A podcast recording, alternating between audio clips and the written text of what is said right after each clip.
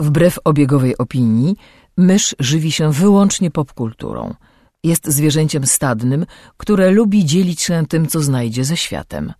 Jej naturalnym sposobem komunikacji jest przerywany śmiechem słowotok. Słuchacie podcastu Myszmasz.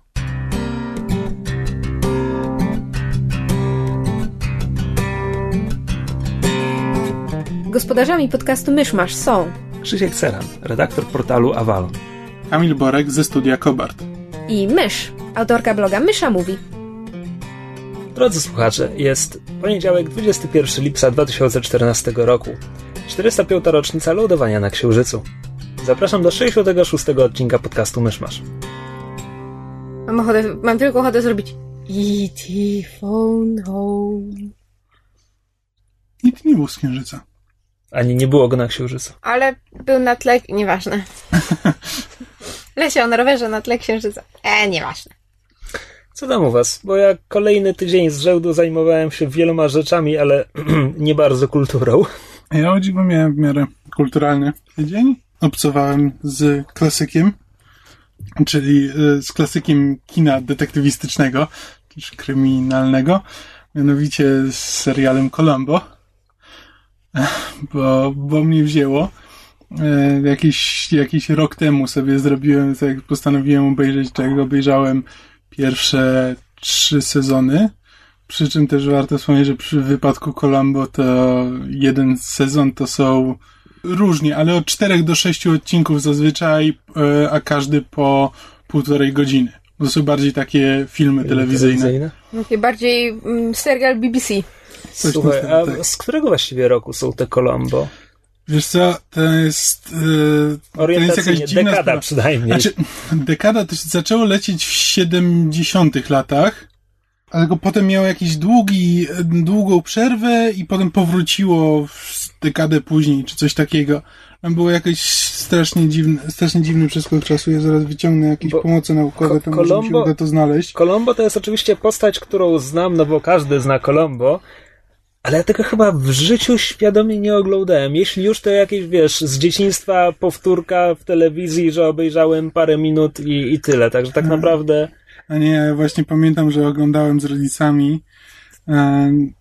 I wtedy niewiele z tego rozumiałem, bo nie za bardzo wiedziałem, co się właściwie dzieje na ekranie, ale, e, ale jakby wtedy mi się jak, coś mi się w tym podobało, choć nie, nie, nie wiem, co mogło mi się podobać jako, jako taką, taki mały fifrak. Dobra, czekaj, ustalmy podstawy. Colombo to jest taki mały, niepozorny człowieczek, co za, zawsze na koniec zadaje pytanie, jest jeszcze jedno, tak? To- On zawsze, to jest, y, każdy praktycznie odcinek zaczyna się od tego, że ktoś próbuje y, Colombo skądś przegonić, bo jest przekonany, że to po prostu jakiś przybłęda y, się przypałętał, bo, bo wygląda bardzo niepozornie, chodzi w wytartym płaszczu, nawet w jednym odcinku wszedł do, z, ym, do schroniska dla bezdomnych i jakaś zakonnica zaczęła rozpaczać nad tym, jak on biednie wygląda i że muszą się nim zająć.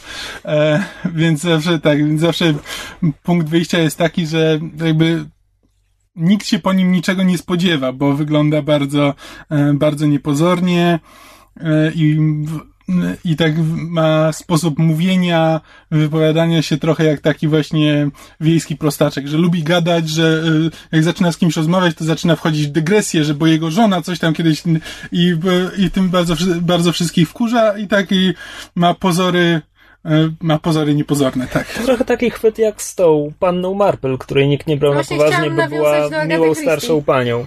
Ale, Dokładnie. ale żeby było przecież... Mm. Żeby było śmiesznie, przecież z e, Herkulesem Poirot jest bardzo podobny motyw, tylko jakby odwrócony, bo to jest ten to jest ten dystyngowany, wiesz, enfant, fon, fon Francuz, który wszędzie się wtrąca i który taki jest upierdliwy i wszyscy go nie znoszą. Belg. Bo, tak, przepraszam, Belg, oczywiście, e, który, ale wszyscy go biorą za Francuza, co oczywiście jest e, e, ten powodem kolejnych e, żartów. Ale też jest właśnie ten motyw pod tytułem, że nikt go nie podejrzewa, szwenda się taki tam Francuz, ukośnik, Belg po, po tam statku, czy po pustyni, czy po jakimś tam hotelu. Tak, i... tylko że z drugiej strony Poirot jest, jest e, koszmarnie zadufany w sobie. No ale to jest jakby właśnie To- tak jak z kolei Colombo ma tę cechę właśnie pod tytułem, że je, udaje tego jakby tego prostaczka, no to Poirot jest tym zadufanym w sobie największym detektywem na świecie. E, Już sprawdziłem daty i właśnie e, ten serial leciał w latach od e, roku 68 do 78, a potem od 89 do 2003. 2003? E, Sam się zdziwiłem. Wciąż z tym samym aktorem? Nic tutaj nie widzę, jakby nie, nie dotarłem jeszcze tak daleko, więc ciężko mi się wypowiadać, ale, e, ale nigdy nie słyszałem, jakoby ktokolwiek inny grał Columbo. A Colombo, jak wszyscy wiemy, gra... Peter Falk. A, właśnie. Peter Falk, który też znany jest z e, Princess Bride. Tak, zmarł A. nie tak dawno. Tak, gdzie grał dziadka Dobra, e, tego oczywiście, tak. dzieciaka, który opowiada historię. Tak, młode pokolenie zna go właśnie jako dziadka z Princess Bride, a starsze jako Co- Colombo. Co zresztą jest o tyle śmieszne, że wielokrotnie widziałem właśnie dywagacje na temat tego, czy Colombo ma szklane oko. Bo Peter Falk nie ma jednego oka, ma szklane oko. I są dyskusje w internecie na temat tego, czy Colombo też ma szklane oko, czy, e, czy nie. Czy to, e, bo jakby to nigdy nie jest, e, nie jest w serialu powiedziane. Przy czym te, to, co jest dla mnie geniuszem tego serialu i co, czego nie widziałem, co mnie zresztą strasznie dziwi, że nie widziałem nigdzie później, jakby serial, każdy odcinek zaczyna się tam od zazwyczaj 20-minutowej do 30-minutowej sekwencji przestępstwa, gdzie widzimy, kto popełnił przestępstwo, w jaki sposób, dokładnie, od samego początku do samego końca, e, i jak zacierał, i jak zacierał swoje ślady. I potem reszta odcinka to jest, e, to jest pojedynek psychologiczny, gdzie Colombo najpierw, najpierw się orientuje, że coś jest nie tak, zazwyczaj jakby policja przyjmuje już jakąś tam wersję, że a, to było, to było samobójstwo albo coś, ale Colombo coś tam zauważa i właśnie i delikatnie, na, począ- na początku dosyć delikatnie próbuje właśnie zgrywając takiego m, lekko głupawego, niepozornego policjanta, który po prostu, któremu po prostu coś się wydaje i że mam tutaj dla pana takie pytanie, że to może być głupie, ale muszę je zadać e, i właśnie i t, potem coraz bardziej, im bardziej go wkurza, tym, tym znaczy, że i tym bliżej jest, tym bliżej jest prawdy. E, I właśnie i cały odcinek polega po prostu na tym, w jaki sposób on do tego dojdzie i w jaki sposób. Mm, I to rzeczywiście jest pojedynek, bo to zazwyczaj, zazwyczaj te przestępstwa to są w jakiejś wyższej klasie. To zazwyczaj ludzie, że przestępstwo jest popełniane przez właśnie przez jakiegoś wykształconego albo kogoś wręcz bogatego, e, który dokładnie to przemyślał i ma e, jakby wyraźnie przez inteligentnych ludzi, którzy to przemyśleli i wymyślili idealne morderstwo tak, żeby nikt ich nie podejrzewał. No i właśnie i ten prostaczek, ten prostaczek Colombo próbuje, ten, e, próbuje dociec prawdy i mierzy się, znaczy prostaczek, no ale wiadomo, że to jest wie, wielki intelekt tylko pod takim płaszczykiem. E, Prze- przez przypadek ciekawa piramida społeczna ci wyszła. Wykształcony albo wręcz bogaty.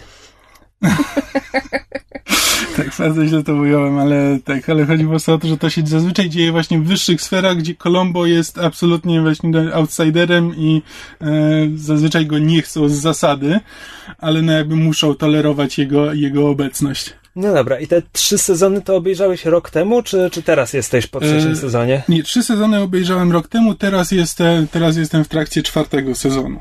Więc trzy odcinki obejrzałem. No i jak się to ogląda? Niesamowicie. Znaczy jest rzeczywiście jest bardzo, bardzo fajnie przemyślany ten morderstwo i mówię, ten motyw, motyw tego, że jakby wiemy, kto zabił i e, obserwowania właśnie Colombo w akcji, to jest, to jest najfajniejsze. To jak, to jak Peter Falk to odgrywa, e, to jak, to jak ta postać jest zagrana i jak te odcinki są napisane, to jest największa, to jest największa przyjemność. Em, właśnie w obserwowaniu, w obserwowaniu tych trybików, gdzie zazwyczaj jakby nie, niewiele jest powiedziane, no bo jakby ponieważ wiemy, jak to się wydarzyło, to jakby tylko patrzymy, gdzie Colombo tam, na przykład coś tam, są takie sceny, gdzie na przykład, nie wiem, ktoś tam ustawił zegarek, bo tam zainscenizował scenę, scenę porwania, no ale Colombo widzimy, że tam patrzy, że tam trochę kurzu jest obok, tam patrzy na zegarku, nie ma kurzu, podnosi zegarek, pod nim jest kurz. I jakby i po prostu widzimy to, jakby nie ma mówienia, że a tutaj jest kurz, a tutaj nie ma kurzu, wyjaśniania całego procesu myślowego, tylko jakby widzimy, e, widzimy takie drobne, że ponieważ my już wiemy, co się stało, to jakby widzimy, e, że Colombo jakby do tego dochodzi, ale też nie musi tłumaczyć tego godzinami, jak, jak do tego doszedł, tylko właśnie i W potem... przeciwieństwie do Poirota. Tak. I pod, tam, dopiero, dopiero gdzieś tam na koniec jest zazwyczaj jakieś tam wytłumaczenie, które mówi, że w którym momencie się zorientował, że tak, ta osoba to jest ten, kogo on szuka. No tak, ale wiesz, w historiach z Poirota scena kominkowa, w której Poirot wyjaśnia wszystko, co się stało, to jest, to jest zawsze clue, to Ostatnio ty, tylko o to chodzi. Ostatnio z, z koleżankami żeśmy się spotkały, żeby oglądać finał mundialu, ale ponieważ żeśmy się spotkały bardzo wcześnie, to żeśmy postanowiły e, obejrzeć em, odcinek właśnie e, serialu o, o Herkulesie Poirot, bo gra tam... Z Davidem Suszetem? Czy... E, tak, bo z jedną z ról grał e, Michael Fassbender. E, zresztą w tym serialu o Poirocie, jak w ekranizacjach Christie pojawiła się większość brytyjskich aktorów w trakcie swojej A kariery. Fassbender grał e, w którym odcinku? Ojej, to się nazywało chyba Śmierć... Nie, czy to się nazywało chyba Po pogrzebie, tak mi się wydaje. Chyba On grał, w, on grał tam syna jakiegoś e, tam lorda czy kogoś, e, który zmarł i ten syn został wydziedziczony w testamencie, który jest jakby odczytany przy wszystkich, Poirot przy tym jest. No i potem ktoś tam zostaje jeszcze zabity. Na pewno widziałem fragmenty tego odcinka, nie wiem czy widziałem cały, bo cały ten cykl lata na którymś z kanałów. Nie wiem, czy na tym nie, TCM-ie? Nie TCM-ie. Albo Alekino, Ale albo kino. gdzieś No, ale tam. kino na pewno lata, bo my raz na jakiś czas z moją mamą nagminnie trafiamy na ten, na, raz na jakiś czas nagminnie. Mhm, prawo. Jest, e, E, Śmierci na Nilu zawsze leci. jest, jest bardzo przyjemny, bardzo głupi, jak się popatrzy na fabułę, ale bardzo przyjemny odcinek z Johnem Haną i Timem Karym. O, to będzie trzeba wyszukać. Chyba no, w każdym Śmierć razie... na pustyni, albo Spotkanie ze śmiercią, coś takiego. Spotkanie ze śmiercią jest taka y, książka chyba rzeczywiście, Christie. W każdym razie wracając do tematu, że to, to żeśmy z, jakby zmierzyły, ile zajmuje ta scena kominkowa. Najwyraźniej to musiał być jakiś krótszy odcinek, bo zajęła chyba tylko tam 12 czy 13 minut, bo zazwyczaj to jest takie 20 minut. Lekko ręką, bez problemu, Poirot tłumaczy. Chryste. Ale na tym to polega, że Nie, tam, no tak. tam nigdzie indziej nie ma żadnego dochodzenia. Mm. A Tutaj się okazuje, że w ogóle ta postać Colombo to ma dłuższą historię, bo tam już w latach 60. były jakieś e, antologie telewizyjne, jakby pojawiał się po prostu jako mm, postać, postać w, w, po prostu w takich krótkich e, i dopiero później w tych, pod koniec lat 60. zostało to przerobione na, na serial. Zresztą jest tutaj napisane, że tu postać, postać Colombo była oparta na Porfirym Petrowiczu z e, ka, e, ten, Na to bym nie wpadł. tak, zbrodni i kary. Kara. Jest ekranizacja Zbrodni i kary, którą muszę kiedyś obejrzeć, gdzie Porfirego Pietrowicza gra Ian McDiarmid. Imperator Palpatine z Gwiezdnych Wojen.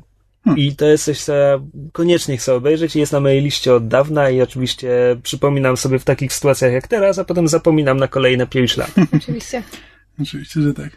A nie, ale jest to naprawdę, e, znaczy, jest to o tyle od, jak odświeżające po obejrzeniu, wiesz, trzech tysięcy różnych seriali kryminalnych em, i różnych um, procedurali, to naprawdę obejrzenie sobie, obejrzenie sobie czegoś takiego. Jeszcze w dodatku się pojawiają znane twarze, bo tam się pojawiają jakby wszyscy znani aktorzy właśnie z tego okresu i to w, z, e, zarówno, e, zarówno nie, wiem, Martin Landau, jak i Leslie Nielsen. E, co też się przyjemnie ogląda, jak się byli w młodziutkich latach. E, Tam jeszcze mieli po 20-30 lat. Leslie Nielsen w strasznie poważnych filmach grał w czasach swojej młodości. What happened? Odkrył powołanie ewidentnie. Tak. No tak, ale to jest, jakby, bo to nie, nie, nie ma wiele do powiedzenia, bo mimo wszystko no to jest e, klasyczny kryminał, jakby te zagadki są e, zagadki i same morderstwa jakby trzymają się schematów kryminału, tylko to odwrócenie, odwrócenie tego, że to, to nie jest śledztwo, dochodzenie, tylko już jakby, znaczy nie dla widza, tylko właśnie obserwujemy w jaki sposób on do tego dochodzi, to jest, to jest interesujące i na pewno warto obejrzeć przynajmniej jeden czy dwa odcinki. A to wszystko dlatego, że sobie e, wykupiłem abonament Netflixa e, jakimiś tam e, metodami. E, No, nie, nie chcę powiedzieć, że jakimiś lewymi, bo to chyba właściwie to, to chyba nie jest nielegalne ani nic, nie wiem właściwie. Może się okazać, że za chwilę z kolbami w drzwi za łomocą. Myślę, że tak długo jak płacisz, to nie powinni się Tak, to jest, czepiać. to jest urocze, że nielegalnie musisz się podłączyć do usługi, żeby legalnie oglądać przez internet. Tak, I jeszcze płacisz. Tak, dokładnie. No ale właśnie stwierdziłem, że to jest, że na tyle ta biblioteka Netflixa jest interesująca, że naprawdę te zapłacenie tych 20 zł, no 30 zł miesięcznie mm, za, za naprawdę dużą wygodę to było warto. I zresztą mam zamiar przetestować, jak już się trochę oswoję z Netflixem, to będę porównywał go do polskich e, serwisów, serwisów e, streamingowych i VOD. Chcę po prostu zobaczyć, na jakim to jest poziomie i jak daleko jeszcze mamy do, mm, do tego. No. Jestem, jestem ciekaw. No, ale to ponieważ ja długo mówiłem, to może teraz ktoś inny. Ja może tak w temacie staroci dwie, dwa słowa, ponieważ y, zupełnie przez przypadek już nie pamiętam, co mnie do tego e, Podkusiło? tak podkusiło, czy, czy jakby zainspirowało. Mianowicie zamiast y, nadganiać jakieś seriale, czy oglądać różnego rodzaju nowości, bo teraz bardzo dużo tak zwanych wakacyjnych pilotów weszło, e, to sięgnęłam po film Maska Zorro. Wybitny. Wybitny film, tak. Z 90 bodajże 8 roku. I oglądałam go długo, bo z 5 dni go oglądałam kawałkami, bo nie miałam czasu przysiąść porządnie. Ale miałam z tego niesamowitą frajdę. I naszła mnie taka refleksja, że jakby e, takich filmów się już nie robi. Słuchaj, to jest refleksja, która mi przyszła parę dni po tym, jak nagrywaliśmy tamten odcinek, kiedy mówiłem o Jeźdźcu znikąd, gdzie to był bardzo nieudany komediowy western i właśnie dopiero później mi przyszło, że moment, przecież kiedyś nakręcono Maskę Zoro, która robiła dokładnie to samo. Ma te same elementy, Ciekawe, te że o tym same chwyty. E, chcesz mi powiedzieć, że to ten sam reżyser, ci sami E, producenci? Jeżeli, do, jeżeli się nie mylę, to scenarzyści. E, duet scenarzystów e, odpowiedzialny za pierwszego e, Zorro, czyli za właśnie za maskę Zorro, napisał miejsce znikąd i dostał zresztą za to nominację do Złotej Maliny. E, no więc właśnie, bo to są, to są bardzo podobne filmy. No bo to jest ten swashbuckler, Tylko, że- to są te, wiesz, płaszcz i szpada. E, No tak, tak, ale też, że, że, że to jedno i drugie to jest western. Tak, tam, są, tam są bardzo podobne postacie, bardzo podobne schematy. Nawet Humor nawet jest podobny, Humor, zawsze są żarty tak. z koniem, ta, tam, tam i tam mamy też trochę slapsticku, nawet Tak, całkiem sporo absolutnie. slapsticku. E, W obu przypadkach, to, to już są dziwne podobieństwa, ale w obu przypadkach mamy e, tego Schwarz charaktera, tego złego, który ma coś z body horrorem. Ten Jeszcze znikąd jest kanibalem, ten w Masce Zorro pikluje sobie części ciała swoich przeciwników. Tak. Tam są zaskakujące podobieństwa dla mnie. Filmy powstały w obrębie, tfu, e, w odrębie 20 lat, circa about. No i Maska To, że właśnie Zorro, powiedziałeś w odrębie, tfu, odrębie, Przerełblu miałem na myśli, nieważne. E, No i, i Maskę Zorro wspominam bardzo miło, widziałem ją wielokrotnie i w ogóle uważam, że jest bardzo dobrym filmem rozrywkowym, Jest fantastyczne. a Jeździec znikąd proszę się cofnąć do właściwego odcinka, nie chcę już o tym mówić. Ja właśnie oglądając, oglądając fragmentami tę maskę Zorro, e, owszem, jakby są zagrania, które, na które patrząc, e, zwłaszcza z perspektywy jakby współczesnego widza, czy widza, który e, dużo ogląda współczesnych filmów, właśnie tak zwanych rozrywkowych, czyli tam wszystkie, prawda, Marvele i tak dalej, to są tam rzeczy, które trochę tak drażnią, znaczy człowiek tak na nie patrzy i takie... Mm, trochę się, trochę się człowiek krzywi. A z drugiej strony ten film ma tyle uroku. Antonio Banderas jest w nim tak fenomenalny w tym, co robi, właśnie w tym takim tym szarmanckim, e, dowcipnym, takim zadziornym właśnie e, bohaterem. Anthony Hopkins jest absolutnie po prostu e, nie, nie mam słów, jak patrzę na tę jego ucharakteryzowaną e, twarz białego człowieka, który udaje latynosa, to po prostu z tymi błękitnymi jeszcze oczami to śmiać mi się chce.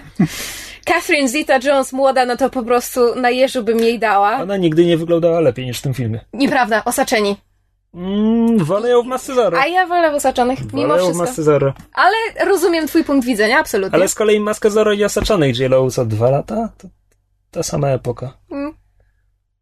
Tak, ale widzisz, bo w, w Masce Zorro ona mówi z przepięknym e, pseudo-hiszpańskim akcentem. Bardzo mi przypomina pod tym względem ten Natalie Woods w West Side Story, bo to jest mniej więcej ten sam poziom e, umiejętności, jeśli chodzi o udawanie akcentów. E, ale wiesz, w Osaczonych jest ta cudowna scena z, z laserami. I, I tego nic nie przebije. No, ale wracając do filmu, e, i obejrzałam sobie tę maskę Zorro i potem stwierdziłam, kurczę, a przecież ja widziałam kiedyś e, ten The Legend of Zorro, czyli jakby sequel e, filmu, który wyszedł w Jest. 2005 roku. I właśnie tak, tak myślę sobie takie, kurczę, to nie był dobry film. Ale ja nie pamiętam dlaczego. I sobie obejrzałam. Oj, To nie jest dobry film. Już, już wiesz czemu. już wiem czemu.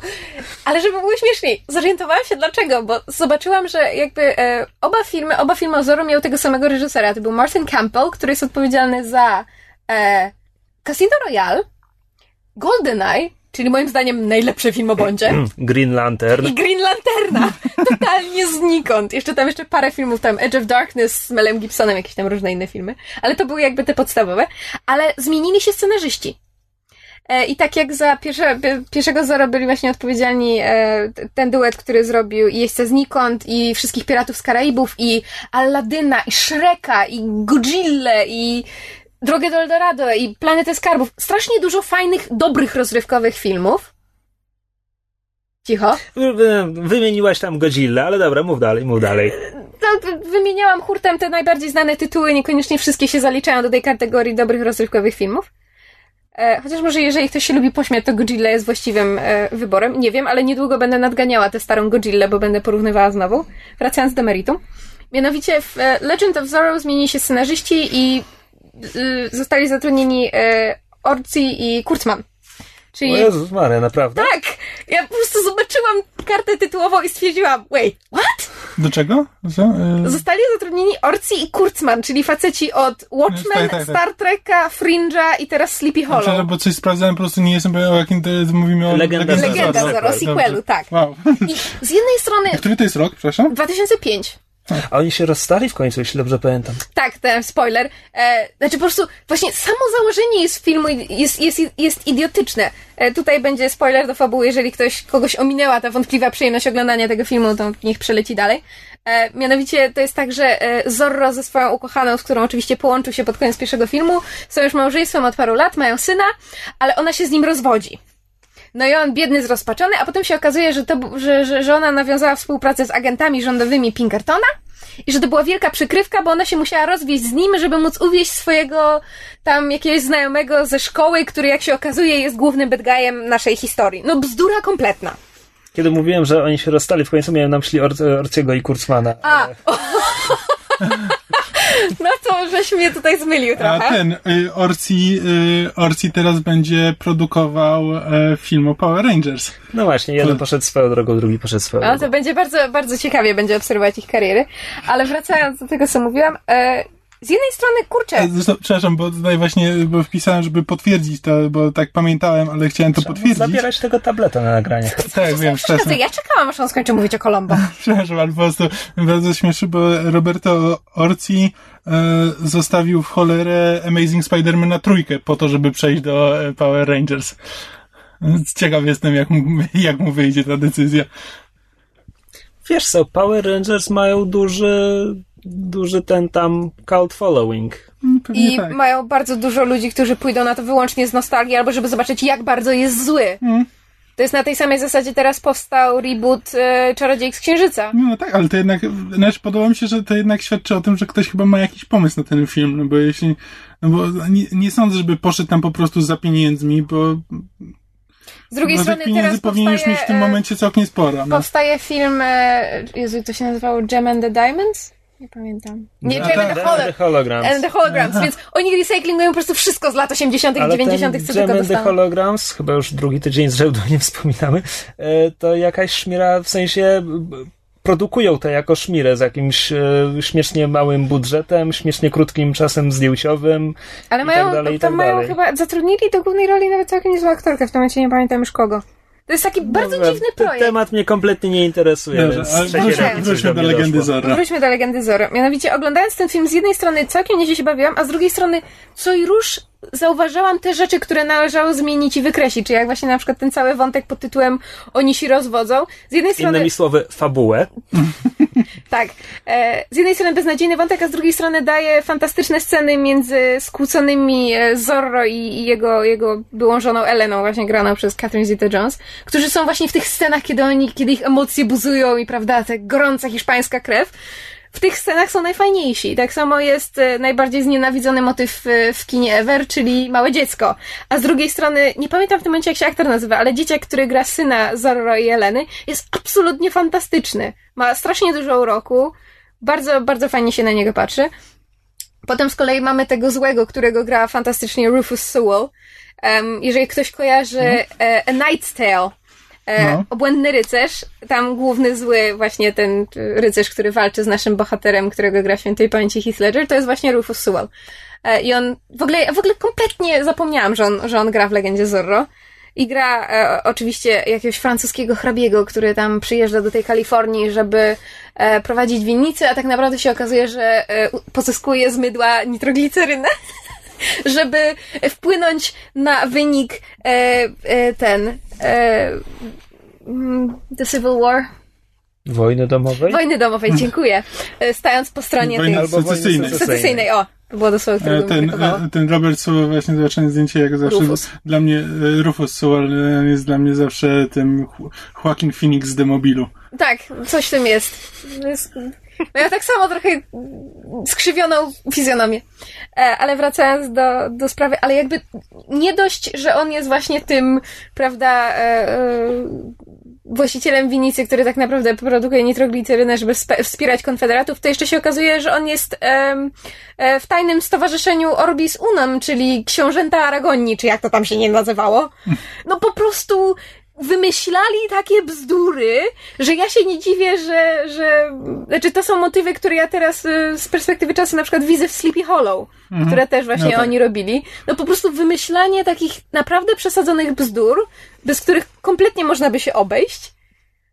No i tak, Znaczy, to nie jest ja, ja legendę Zero zapamiętałem tak, że był głupi w sposób, który mi przeszkadzał, bo Maska Zero też jest głupia. Umówmy się. Nie, oczywiście. Ale, ale mi to nie przeszkadza, bo się przy niej dobrze bawię, więc w legendzie Zero ta głupota mi przeszkadza. Nie ma tego uroku.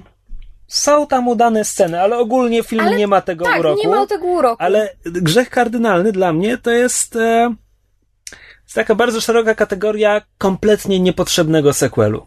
To znaczy, film, który opowiadał bardzo zgrabną historię zamkniętą w jednym filmie, dostaje sequel, na który tak naprawdę nie ma pomysłu, więc trzeba wymyślać cuda niewidy. Nikt na niego nie czeka. Sequel, który powstaje 10 lat po pierwszym filmie, Plus minus. Właśnie, no to jakby. To jest naprawdę, naprawdę nie wiem po co to było. Obejrzałem film, wciąż nie wiem po co to było i wolałbym chyba, żeby go nie było tak naprawdę. Znaczy, wiesz, no kawałek kina do obejrzenia. Antonio Banderas bardzo przystojnie po tych tam plus minus 10 latach wygląda. Catherine Zeta-Jones też świetnie się trzyma. Jest akcja, jest trochę humoru. em, są sceny akcji, jest odrobina rozrywki, ale tak, jest to niepotrzebne i przesadzone i właściwie mogłoby tego nie być. Ale bardzo, bardzo przyjemnie mi było wrócić właśnie do, do tego Zorro. Do tego stopnia, że aż sprawdziłam, czy w internecie można obejrzeć serial z 57. Można. I to, nie, to się bardzo źle dla mnie skończy. Bo to był, to był Czekaj, ale serial z 57 to jest ten, który u nas leciał. Tak, który u nas nam, namiętnie leciał w telewizji na, tam na jedynce i na dwójce. Dobra, a kolorowy serial, który u nas leciał? E, to mógł być ten sam, tylko on chyba był, to były pó- późniejsze odcinki, albo był podkolorowany. No właśnie, bo ja E, pamiętam kolorowego Zorro na pewno. Ale to jest ten, ten najbardziej klasyczny, który leciał w kulko, w, w kulko, w kółko. Leciał w e, kulki. Tak, leciał w kulki. Leciał w kółko w, w polskiej telewizji, zwłaszcza w okresie na przykład wakacji. Ja pamiętam, jak tylko na niego przypadkiem gdzieś trafiłam, to mogłam odcinek widzieć po raz setny, a i tak zawsze zasiadałam przed telewizorem, bo był fantastyczny. Tam Zorro miał niewidomego służącego? Czy służącego, który udawał niewidomego, czy coś takiego? Wiesz, teraz, Teraz to ja mam w głowie facetów... Właśnie, ja mam teraz w głowie facetów w rajtuzach. Ej, Blinken! o Chryste, a w ogóle faceci w rajtuzach to jest tak... Ja nie wiem, jak można tego filmu nie lubić, żeby było śmieszniej. Mi się nie podobają inne filmy Mela Brooksa, a faceci w Rajtuzach są absolutnie tak mam. bezbłędni. Nie, nienawidzę Spaceballsów, e, tam ci... Płonące nie, siodła też nie bardzo. e, Płonące siodło nie widziałem, prawdę mówiąc? Muszę sobie powtórzyć Płonące siodło, bo widziałem je raz dawno temu i zachowałem dobre To wspomnienia. może obejrzyjmy razem.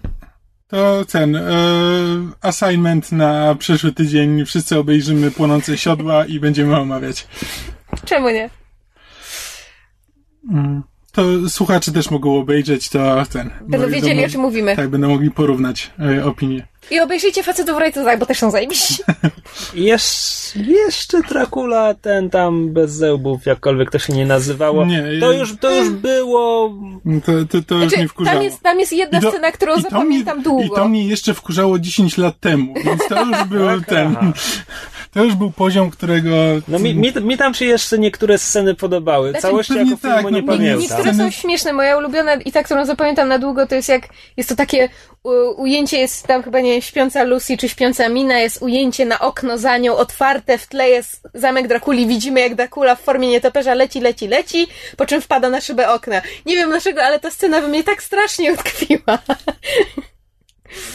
No, Opowiedziana trochę traci. badaj. E, no. Jak myśmy się znaleźli przy Melu Brooksie? no, jakoś od zero poszło. Od y, ślepego służącego. A tak. A, dobrze, moja wina, dobra. e, to co? Chcesz jeszcze coś mu powiedzieć o tym zorze, czy już nie? W Zorze. E... Gdzie się podział Antonio Banderas?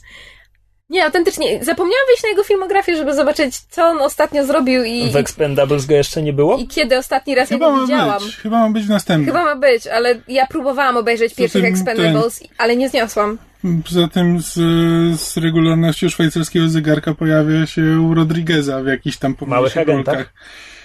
A mali agenci pierwsi byli fajni, co mi przypomina, że właśnie muszę obejrzeć Małych Znaczy, że się nie pojawił w którejś maczecie? Moment? Nie widziałem masz. Ja widziałam pierwszą maczetę, ale musiał mieć bardzo małą rolę, bo nie pamiętam. Nie, nie wiem. A w jakimś Sin City? Nie, w Sin City nie będzie. Szkoda. Zupełnie nie czekam na to Sin City. Ale właśnie próbowałam, próbowałam sobie No, nawet przypomnieć, w czym go ostatnio widziałam i jedyne, co mi przychodzi do głowy, to słyszałam go w Shreku. Odrobinę czekałbym na to Sin City, gdyby Dwighta w dalszym ciągu grał Clive Owen. Ale wymienili go na... Zabij, nie pamiętam. Jednego z tych aktorów, których zawsze mylę z innymi aktorami. Joseph Gordon-Levitt. Nie, nie, nie. On gra inną postać? Nie, inna postać. E, może chodzić o... Maczeta zabija. Josh Brolin. Możliwe. E, tak, z Antonio Banderas pojawił się w Maczeta zabija. Jako El Camaleon. Camaleon. Czekaj, to jest pierwszy maczeta, czy drugi maczeta? Drugi maczeta. Drugi maczeta. A to drugiego maczetę nie widziałam. Ale widziałem jakieś fragmenty. No i rzeczywiście będzie w, nie, e, w Niezniszczalnych czy. O, to może trzeba będzie obejrzeć tych niezniszczalnych, czy... Bo tam jeszcze jakieś kobiety będą wreszcie, nie? A ko- kobiety nie dostały własnego filmu? No, podobno były jakieś ploty na ten temat, ale chyba... Expendable Babes czy cokolwiek. Nie, nie wiem. Sorry, ale on ma w, od jakiegoś 2003 roku ma w swojej filmografii same filmy, o których nie słyszałem, które mają oceny gdzieś w okolicach od 4 do 6, może 7 w porywach. Oho, zarabia na dom i dzieci. Tak, na to wygląda. E, dobrze, ale to tyle o Banderasie. Smuteczek. Tak. Mm. To co? Coś jeszcze z filmów? Nie, ale możemy trzymać się takich tych e, archiwów, bo te, teraz ja mam coś z 92. No to słuchamy. E, Dawno temu, przechodząc koło księgarni anglojęzycznej, wypatrzyłem promocję na praczety. Sprzedawali praczety po prostu, hałdy praczetów po 8 zł sztuka. Hałdy praczetów po 8 zł sztuka, więc kupiłem e, 3 sztuki. Co, trafiłeś na bardziej alkoholowy Tak, są, ta, są takie tiramisu? fragmenty, gdzie jest, y, na, No bo- nasiąkło. No bo biszkopty nasiąkają. Biszkopty są takimi bombami alkoholowymi w tym wszystkim. W studiu jest amaretto. Może, nie, nie amaretto. Tiramisu. Jakby było amaretto, to to byłby zupełnie inny podcast. Amaretto Ale jest to w by sporo tiramisu. wyjaśniał. tiramisu zawiera amaretto. No? Ja zjadłam mały kawałek, ja nie jestem pijana. Jest jeszcze trochę. Je, jeszcze 50 tiramisu. Słyszeliście, słyszeliście to tutaj wszyscy. Krzysiek próbuje mnie opić. A, I te praczety przeleżały u mnie na półce długo, bo tam zawsze było coś innego do czytania i tak dalej, a jakoś tak teraz wyszło, że akurat, nie wiem, może w trakcie przeprowadzki zgubiłem moją hałdę książek do przeczytania, w każdym razie wyszło mi, że niczego innego nie mam. A, a ja jakiś czas temu powziąłem postanowienie, żeby przeczytać cały świat dysku po angielsku, z czego ja jakby czytam Pratchetta od lat i w tym od trochę mniejszej liczby lat w ogóle czytam go po angielsku, już mm, porzuciłem polskie tłumaczenia, chociaż są świetne i w ogóle zawsze będę chwalił e, Cholewę, który jest, który jest niesamowity i po prostu ja nie wierzę, że on jest w stanie to tłumaczyć w ogóle. E, ale Pratchetta zaczynałem czytać w czasach, kiedy e, regularnie wracałem do książek. Także tam te, te Pratchety, które lubię z, z pierwszej połowy świata dysku, to te, które najbardziej lubię, to tam zdarzało mi się czytać po 4-5 razy.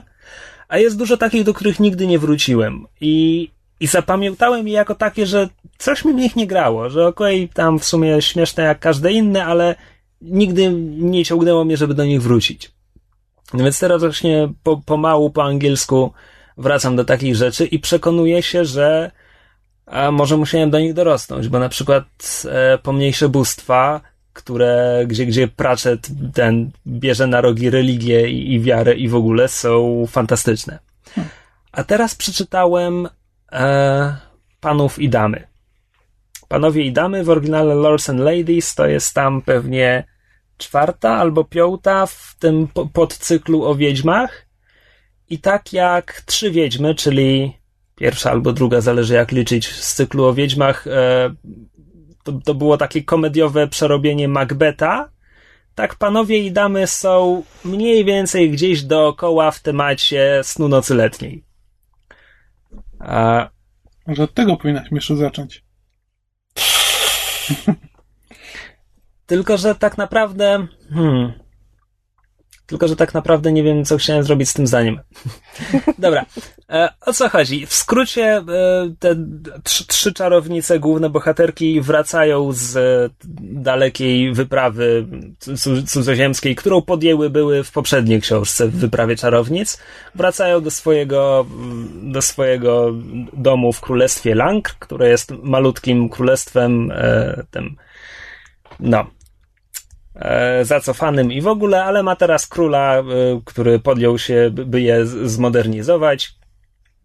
No i jedna z czarownic e, ma za tego króla wyjść, a inna mierzy się. E, jedna, jedna z bohaterek ma w perspektywie ślub i nagle dopada ją cała proza życia, że to wszystko jest nie tak, jak ona sobie to wyobrażała i w ogóle, i czy ona na pewno tego chce a inna mierzy się e, z tym, że robi się stara. To znaczy nagle dopadają ją wspomnienia z lat młodości, musi, musi sobie poradzić z taką młodą, złośliwą nastolatką, która bardzo chciałaby być wiedźmą i tam wszyscy zauważają, że w sumie, w sumie to ona jest całkiem podobna do, do, do, do babci Weatherwax, kiedy babcia Weatherwax była młoda. Mm. I w tym wszystkim są jeszcze elfy.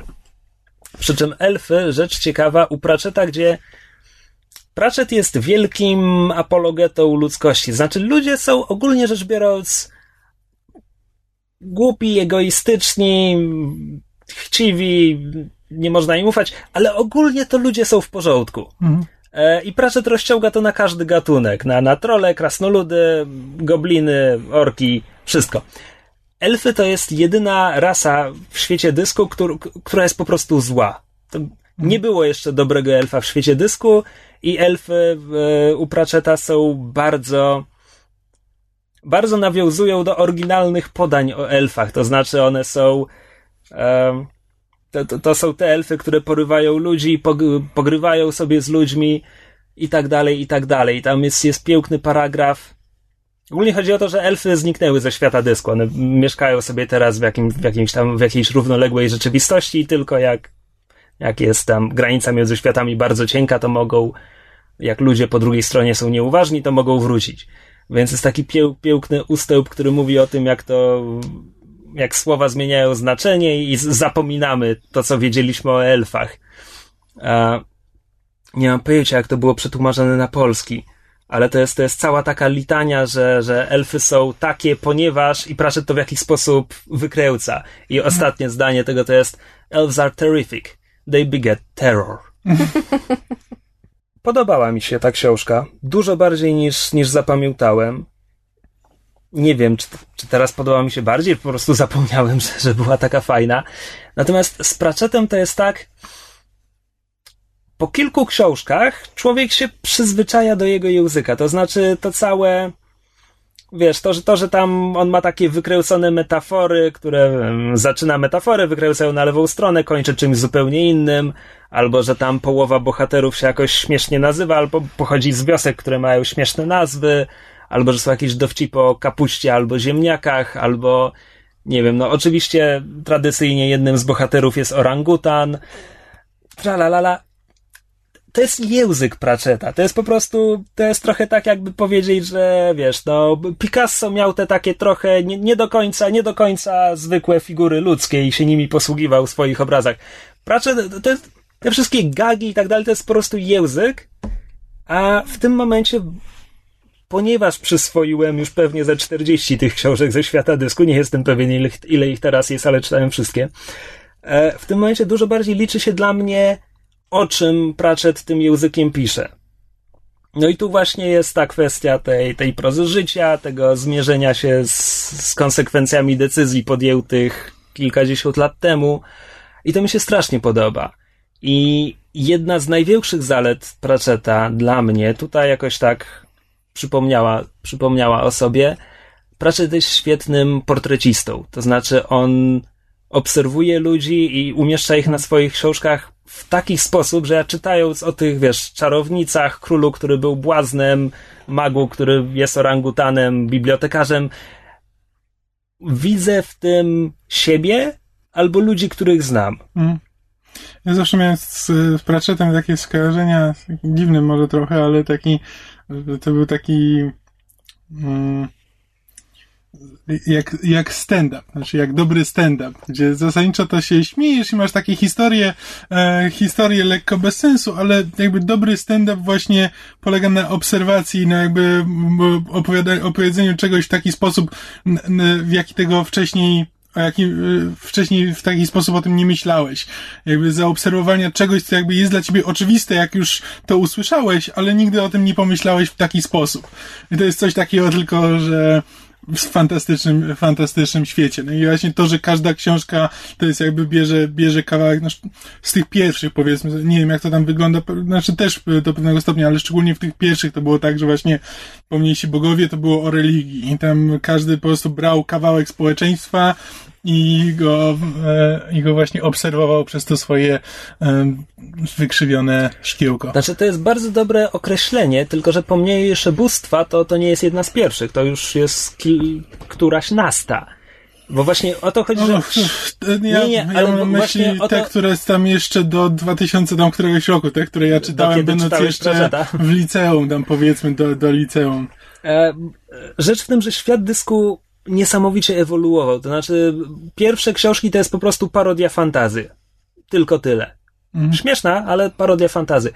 Potem to się rozlewa na inne gatunki, tak Straż Straż jest parodią kryminału w mhm. konwencji fantazy i tak dalej. I w pewnym momencie, znaczy, to nie jest w pewnym momencie, bo tak naprawdę pierwsze wątki, nie wiem, kwestia feminizmu pojawia się w trzeciej książce, równo umagicznieniu. Tytuł oryginalny Equal Rights. A, w, więc te, te... Rights pisane jak rytuał. Jako rytuał, tak. Albo ryty. A, więc te, te wątki, wiesz, to że, to, że on myślał o czymś poważnym, to jest obecne już bardzo wcześnie, tylko że tak naprawdę na pierwszy plan wychodzi dopiero później. I on później z, z, z parodysty staje się. Satyrykiem. Tak. A na, nawet to nie, nie jestem pewien. Komentatorem jest... rzeczywistości. No, okej, okay, tak. No w każdym razie on pisze potem o bardzo poważnych tematach i bardzo często w sposób, który sprawia, że się nad nimi zaczynasz poważnie zastanawiać. No właśnie o to chodzi. I opisuje je językiem dowcipów o kapuście. Dokładnie. I dokładnie dla, dlatego z tym moje skojarzenia ze stand-upem, przynajmniej właśnie z takim dobrym stand-upem. No, to chyba, chyba tyle.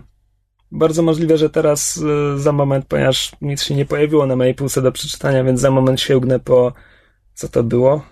Maskaradę, której też nie czytałem po raz drugi, odkąd przeczytałem ją po polsku naście lat temu, albo 10 lat temu. Także może niedługo znam relację i z tego. To skoro jesteśmy przy książkach, to Myszu, chcesz opowiedzieć o drugiej części Gracelinga? Chcę, chcę, chcę, chcę, chcę, chcę. Graceling to to, o czym mówiłaś tydzień temu? Tak. Dobrze. Mam, do, Szybki przerób. mam dobre tempo, tak. E, drugi tom e, książki Graceling, o której mówiłam w poprzednim e, odcinku. Przepraszam, mówisz Graceling, słyszę Graceland. A jakoś That's a different book. Nie, nie, jakoś dzisiaj w radiu było dużo o Presleyu, nie wiem czemu. A ja się dzisiaj właśnie dowiedziałem, że istniał ten e, tak zwany tribute act, że w sensie e, facet, który śpiewa piosenki Elvisa, jego pochodzi z Meksyku, nazywa się Elvis i jego posiadłość nazywa się Graciasland. Czy dzisiaj była rocznica jego śmierci, czy, czy czemu nagle dzisiaj się mówi o Presleyu? Maybe. Wiesz co, nie, ja, znaczy ja to usłyszałem w podcaście, który jest A, jeszcze okej. sprzed tygodnia, więc to tutaj zupełny przypadek. E, drugi tom. Graceland. Cia. E, powieści pani Kristen Cashore. Um, A tutaj z kolei słyszę Kristen Kaczor. ja pierdzielę, no nigdy nie dojdę Krystyna do tego. Kaczor. Tak. E, czy Graceling się ukazało po polsku? Tak. Pod jakim tytułem?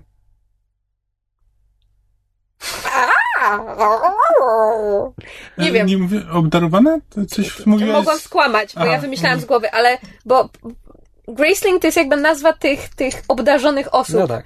A po polsku gdzieś przyuważyłam, że to się nazywa obdarzeńcy. Uła. U nie! jak to dobrze, jak to dobrze, że czytałam w oryginale. Nie, nie obrażaj się na obdarzeńca. Obdarzeńcu, ty mój. Mów dalej. Tak, e, więc drugi tom nosi tytuł Fire. E, I jest. To jest z jednej strony companion book, a z drugiej strony prequel. He? Już mówię. E, Companion Book to jest coś, co się dzieje równolegle? tak, i to jest jakby to się dzieje o tyle równolegle, że w, w sąsiednim królestwie? królestwie, ale te siedem królestw, o których e, wspominałam przy okazji pierwszej książki, w której dzieje się akcja pierwszej książki, e, jest oddzielonych od tego królestwa z drugiej książki nie, ten pasmem gór nie do przejścia. Oni jakby nie wiedzą o swoim istnieniu. Okej. Em, I to, to księstwo, które odwiedzamy w, w, drugim tonie, w drugim tomie nazywa się The Dells. Patrzysz na mnie, jakby to powinno mi coś mówić. Nie, tylko czekam, aż mi Jak- po raz kolejny przerwiesz. Jak w Rivendell? Tak, przez dwa L, The Dells. Em, I w, w tym królestwie istnieją tak zwane potwory. Monsters, tak się po prostu nazywają. I potwory mogą. Potwory same siebie nazywają potworami? tak, bo są też potwory ludzie. Let me explain. To jest bardzo skomplikowane. Em, Nie mów. nie, bo po prostu nie ma czegoś. One nie mają e, jakby oddzielnej nazwy, tylko się na przykład mówi. E, Monster Bear, albo Monster Human, albo Monster Bird, albo tak dalej. To jest po prostu jakby oficjalna. Tak się to nazywa. W tym królestwie odciętym od świata, tak? Tak. Ale w tym, jest- czekaj, czekaj, w tym królestwie żyją też zwykli ludzie, którzy nie są Tak. potworami. Dobra, okej. Tak. To, to, ma, to ma odrobinę sensu. To ma trochę sensu, tak. Nie, myślałem, że to jest właśnie takie odbicie, że masz z jednej strony tam ludzi i Nie. tak dalej, a z drugiej strony monster ludzi i monster Nie, w, tym, w, tych, w tych pierwszych siedmiu królestwach z pierwszej książki mamy normalnych ludzi i tych gracelingów, czyli ludzi obdarzonych o oczach dwóch różnych kolorów, a w tym oddzielonym od nich świecie The Dells w tomie drugim mamy potwory. I potwory to są em, osobniki danego gatunku, które są po pierwsze niesamowicie czarujące i pociągające i potrafią jakby no, normalnych ludzi oczarować swoim wyglądem, bo są piękne i, i To potworne. ta, tak, ale przy okazji jeszcze autorka postanowiła, że nie dość, że są jakby piękne i pociągające, to, to mają różne kolory, czyli na przykład są um, pantery, które są koloru e, nieba o północy w złote centki, albo króliczki, które są w kolorze fuksji, albo ludzie, którzy mają e, włosy błękitne i oczy ametystowe. No po prostu cała tęcza. Everyone is gay. Fantastycznie. Na razie to brzmi głupio, mów dalej. Brzmi głupio, ale jakby. Znaczy, mówię, mnie, mnie strasznie kupiła pierwsza książka, ta druga też mnie bardzo szybko kupiła. Głównie ze względu na to, że e, tytułowa Fire, główna bohaterka, która jest właśnie. A to jest imię. Tak. Ostatnim ludzkim potworem. Ma piękne, płomienne, czerwone włosy i jest dla zwykłych ludzi szalenie pociągająca. E, potrafi też kontrolować umysły. Tylko w przeciwieństwie do jej ojca, który był zły i wykorzystywał swoją potworną moc do kontrolowania ludzi i zmuszania ich do różnych wstrętnych rzeczy, to ona ją wykorzystuje do, jakby, do czynienia dobra. Niechętnie oczywiście, no bo się boi, że zamieni się w takiego samego potwora jak jej ojciec. Wszyscy na dodatek jej nienawidzą, oprócz tam paru osób, z którymi się wychowała i wiedzą, że jest dobra. Bla, bla, bla, bla, bla. bardzo schematyczne. Ale autorka ma jakiś tak... Znaczy, ja nie twierdzę, że on jest uniwersalnie dobry, ten jej styl i że jakby każdemu ta książka podpasuje, ale mnie jakoś tak szybko i tak kompletnie kupiła tym, tym jak pisze i co pisze i jakich ma bohaterów i jak wymyśliła sobie ten świat, że naprawdę nie jestem złego słowa o tym powiedzieć. Tak jak Krzysiek wspomniał, to jest głupie, te, te różnokolorowe potwory, to jest autentycznie głupie, ale jakoś damn it, it works. Czy w trzeciej części bohaterki pierwszej i drugiej się spotkają, czy tam będzie... Właśnie, bo tak jak wspomniałam, druga jest z jednej strony kompanion, a z drugiej strony prequel, dlatego że opowiada losy... Nie, inaczej. Zła postać z pierwszej części, w drugiej poznajemy jej początki. Ale przecież te góry są nie do przejścia. A nie do końca. się okazuje, że są, jak się wpadnie w dziurę w górach i potem się wypełznie z drugiej strony, to można. Okej. Tak. Bo widać, że to jest głęboko przemyślane. E, a z kolei trzeci tom, który już, e, już zaczęłam, opisuje um, jedną z pomniejszych bohaterek pierwszej części w kontekście wydarzeń tego, co już wiemy z, jakby z finału pierwszej części i z informacji, które wiemy o drugiej. Więc ja podejrzewam, że te, te, te, te, te światy, które o sobie nie wiedzą, które są oddzielone tym łańcuchem nieprzebytych gór, że one w, w trzeciej części wreszcie zaczną się przenikać. Bardzo na to liczę. Czy to się jakoś fajnie, fajnie zazębi? No podobno ma się jakoś zazębić, że, że ta nasza bohaterka w trójce, która nazywa się, wait for it, Bitter Blue, don't ask, nie pytaj, e, że odkryje... Mi, mi się kojarzy tylko z Twilight Sparkle. Tak, mniej więcej, na, tej, na, na, na takiej samej zasadzie, właśnie tak sobie Ja, wyobrażam. ja czekam na polskie tłumaczenie. Gorzko był kitek. Go, tak. Szło śmiesznie. Ja muszę sprawdzić, jak to jest po polsku, bo... Go, gorzko Błękotka. Gorz, tak.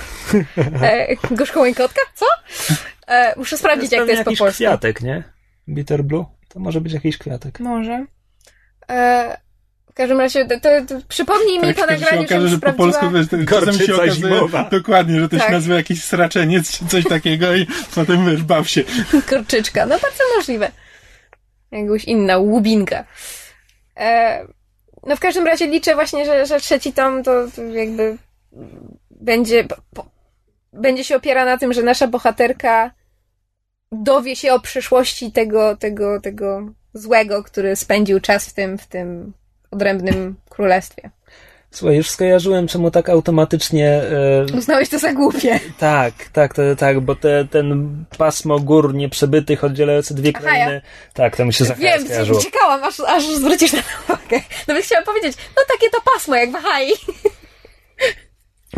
Nie, to ono nie jest aż tak nieprzebyte, że nikt go nigdy nie przebył, tylko po prostu kiedyś, nie kiedyś, znaleźli drogi. kiedyś poproszę kogoś, żeby mi streścił, co było w drugim i trzecim tomie Pomnika Cesarzowej Jachai, ale... To wiesz co, to mogę to Nie być ja, dlatego sam. że ja przeczytałam pierwszy tom po- pomnika cesarzowej Ahai. Stwierdziłam, że to jest.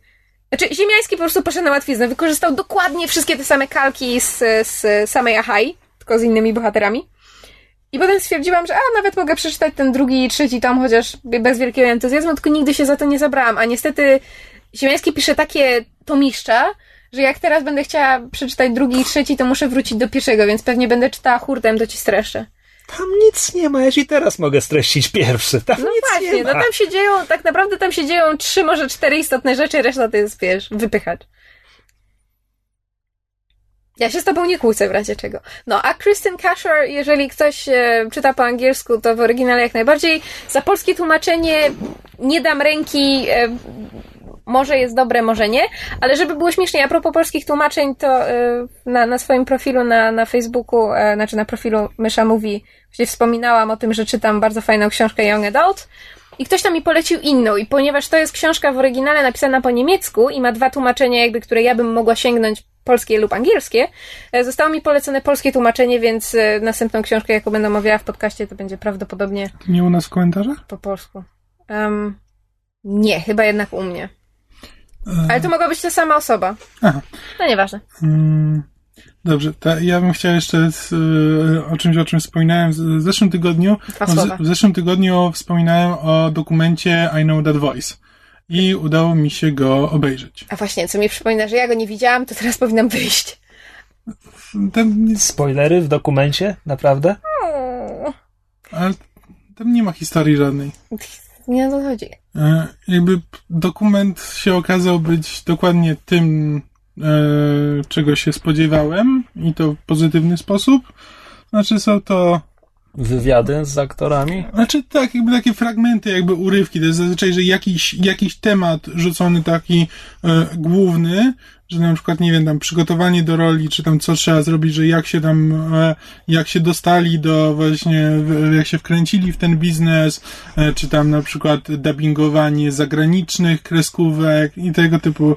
Tam, że zazwyczaj jest jakiś temat, takie podzielone jest na segmenty, każdy ze swoim tematem i tam są kolejne różne osoby, które się, e, które się wypowiadają i to są no, najróżniejsze osoby od Marka Hamila po człowieka, który podkłada głos pod Porky the Pig. E, i właśnie Wow. tłumaczy, tłumaczy jak, że ma, em, ma stabilizację zawodową, bo nikt nie jest w stanie e, nikt poza nim nie jest w stanie wykonać głosu e, Porky the Pig. Tak, on, jest, on, jest, on jest drugą osobą, która to robi, ale jest jakby jedyną, e, jedyną, która była w stanie właśnie przejąć schedę, bo tam jest to jest praktycznie rzecz biorąc algorytm. To nie jest tak, że to trzeba się po, po, po, po, po, prostu jąkać, e, tylko e, tam jest, e, on tam tłumaczy, że to musi być, e, że trzy zająknięcia, po czym dwa, po czym ten, e, jest dokładny, wiesz, dokładny algorytm i że nikt inny nie jest w stanie tego tak powiedzieć, dlatego on ma, on ma spokój i że będzie miał zatrudnienie do końca życia. E, w związku z tym, no i właśnie i opowiadają takie anegdotki właśnie y, z biznesu i opowiadają też właśnie tam jakieś takie rady dla innych i też, co mnie bardzo urzekło i jakby bardzo y, do, do, dokładnie rozumiem, o czym mówią, że y, narzekają na to, że co jakiś czas podchodzi do nich osoba, która właśnie mówi, że tam wszyscy mówią, że ma fajny głos i żeby chciała ten, e, żeby chciała do e, tak właśnie do mm, tego voice actingu się załapać, co ja doskonale rozumiem, bo ja też za każdym razem, jak to się tylko dowiaduję o studiu Kobart i że jestem z nim związany, to natychmiast e, dostaję pytanie, że e, no bo mi zawsze mówili, że mam fajny głos i jakby tu można było się wkręcić do dubbingu.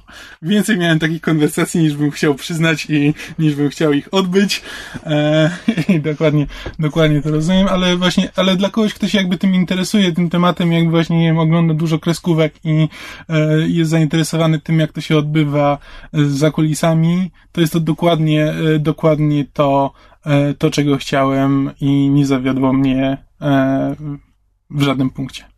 Tak, a propos ten voice actingu, to nie tak dawno, jak i niedługi czas temu zmarł, oczywiście teraz nie pamiętam jak się nazywa, ale zmarł aktor, który przez jakby od początku podkładał głos pod Shagiego ze Scooby-Doo Mhm. i była taka przepiękna absolutnie rozbrajająca ilustracja. Ktoś narysował właśnie Scoobiego leżącego na, na grobie z, napis, z, zapisanym imieniem i nazwiskiem tego aktora. Ja to zobaczyłam, ja się pobyczałam.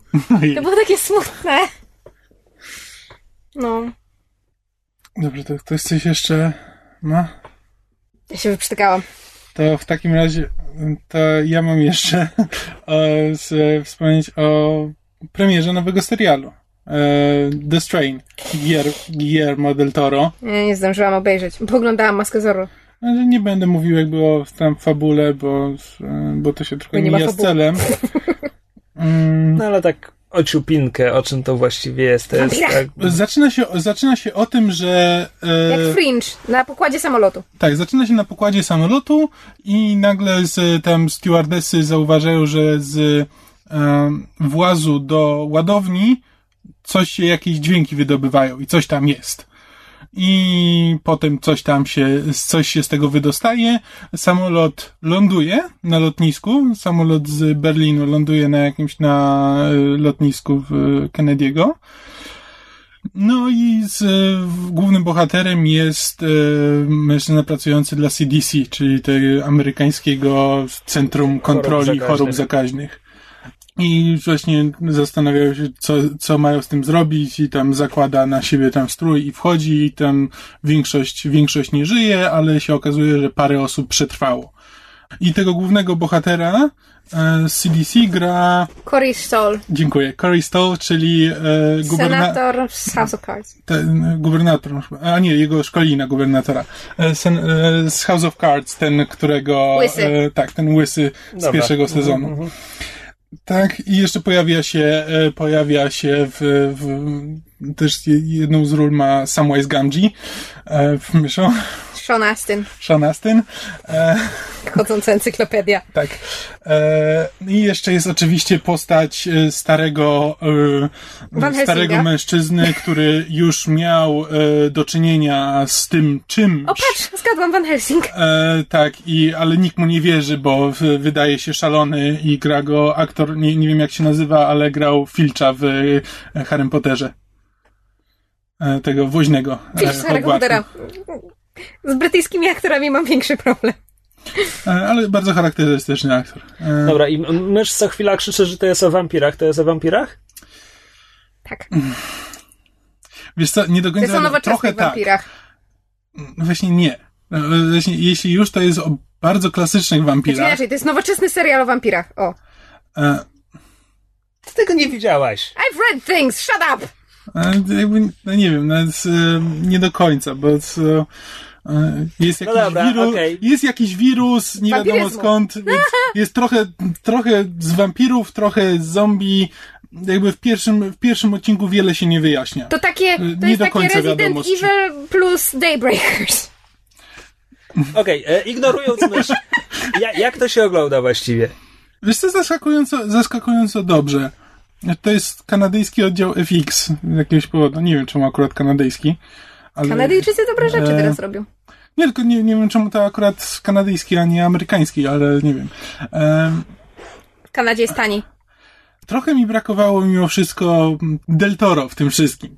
Że jakby nie, jest parę momentów, gdzie jakby widać jego rękę, szczególnie właśnie w designie, jak tam na moment widzimy e, tam tego głównego potwora, to trochę jakby widać, że to rzeczywiście e, Del Toro w tym maczał palce. Czy jest ślepy, ale ma oczy w miejscach, gdzie nie powinien mieć oczu?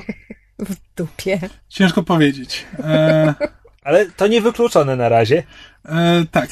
E, ale właśnie, ale to jest jakby jedyny, jedyny motyw. Jakby brakuje mi trochę właśnie takich, ale podejrzewam, że będzie tego więcej, bo w tym wszystkim jest jeszcze jakieś, jacyś kultyści, jacyś, e, jakaś, wiesz, korporacja, która tym wszystkim próbuje sterować, e, e, właśnie jakiś wirus, który robi z ludzi zombie, ale nie do końca zombie, bo te zombie są przynajmniej tak ćwierć inteligentne. E, i mówię, pie, po pierwszym odcinku naprawdę nie jestem w stanie powiedzieć, do czego to dąży, bo to jest tylko takie, u, patrzcie, patrzcie, z, patrzcie jak jest dziwnie, ale nic nie tłumaczy. Na razie nic nie wiadomo skąd to się pojawiło, czym to jest yy, i właściwie do czego to prowadzi. Więc to się, to się dopiero okaże, ale właśnie jak ktoś szuka, jak ktoś lubi takie serialowe horrory, to yy, to, to jest na pewno na, na dobrym poziomie stoi. I A to jest horror.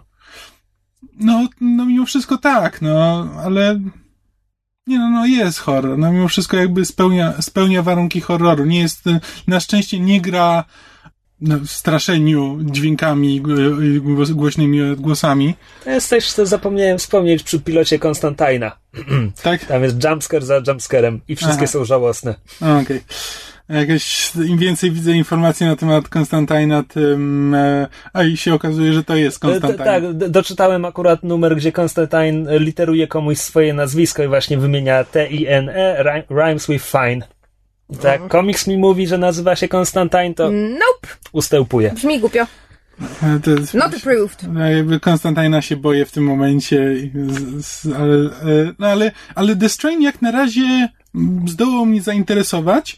Gra kliszami i jakby takimi motywami znanymi, ale mimo wszystko jest tam drobna obietnica, że będzie, że może być ciekawie i takie miałem skojarzenia z, z mitologią Cthulhu. Mam nadzieję, że będzie, że będzie tego więcej i że będzie dziwniej. Ech, Guillermo i Cthulhu, on miał kiedyś robić w Górach Szaleństwa. Mm. Ja mu życzę wszystkiego jak najlepiej, ale niech mu ktoś da pieniądze na Hellboya trzeciego. Czemu on No. marnuje rzeczy na jakieś seriale? Rzeczy, czas. Życie. E, Ale, ale przecież tak. on teraz równocześnie jeszcze film robi Crimson... O Jezu, Crimson something. Tralalala, tak, i klepnęli mu Pacific Rim 2, fajnie, wszystko fajnie. Niech ktoś mu da pieniądze na trzeciego Hellboya. Kio. Mm. A ja ten... P- póki Ron Perlman może, wiesz, spełzać to pół prawda. dnia w, w charakteryzacji, a to już wiele, że tak powiem, wiele czasu nie zostało. E, ale tak a propos nowych seriali, to dzisiaj czy, czy wczoraj poszedł news, y, że w tym, w Daredevilu główną żeńską rolę będzie grała ta e, Deborah Ann Wall, czyli e, Jessica z True Blooda. Co w sumie jest fajne, bo ona jest bardzo fajną aktorką. No, Może nie wybitną, ale bardzo taką uroczą i bo dobrze się na nią patrzy. znaczy przyznam, że bardziej ucieszyła mnie informacja, że Rosario Dawson tam będzie grać, ale Znaczy, żeby było śmieszniej, każdą, każda wiadomość, jaką słyszę a propos tego, tego Daredevila i obsady mnie cieszy, oprócz tej głównej. Znaczy, ja... Charlie Cox był przeuroczy w, w Stardustie, ale ja go potem nigdzie nie widziałam. może grał się- w teatrach. to, się- się... to się ludziom zdarza. No się zdarza, zwłaszcza, że on jest chyba brytyjskim aktorem, ale jakoś mam nieuzasadnione obawy, czy się sprawdzi jako Daredevil. Z drugiej strony nikt nie może być gorszy niż Ben Affleck. Sean Buscemi? Steve Buscemi. Steve. Buscemi. Co wy dzisiaj macie z tym zamienianiem imion? Wiesz, co, Steve Buscemi był przynajmniej interesujący. Tak. Jak wiesz, oh my god, I am blind. Oh no, what will I do? U, obejrzałabym Con Air. To co, może gry komputerowe? o tak, To ja idę spać. tu też mam dużo do powiedzenia. O dziwo. Ja mogę się przynajmniej udzielać trochę, odrobinę, ociupeczkę, bo zaczynamy od Divinity, prawda? Tak, Divinity Original Sin. Czy- Która to- to jest gra w cyklu? Bo ja kojarzę... Nie mam pojęcia, bo każda gra się nazywa, ma inny podtytuł, one nie mają numeracji, więc ja naprawdę nie wiem, ile ich mogło być. Na pewno było Divinity, Beyond Divinity, e, Czy mi się tylko wydaje, czy kiedyś coś było... trzeciego. Czy kiedyś było Divinity Two Souls albo coś Tak, tak, takiego? tak, tak, dokładnie, coś takiego. Czyli z podtytułów i prefiksów można by złożyć Beyond Two Souls. Tak, mniej więcej. E, tak, więc to jest jakaś czwarta albo piąta. Dobrze, a o czym jest gra, bo ja nic nie wiem. Znaczy tak, e, gra e, została, e, najpierw tylko technicznie została stworzona dzięki Kickstarterowi. Po prostu twórcy zebrali fundusze na Kickstarterze i zrobili sobie taką grę, jaką chcieli. Em, I I najwyraźniej bardzo, ale to bardzo chcieli zrobić bardzo oldschoolowe RPG. tak, Z twistem. E, tak, jakby e, zaczyna się od tego, fabuła zaczyna się od tego, że gramy dwójką tak zwanych Source Hunterów.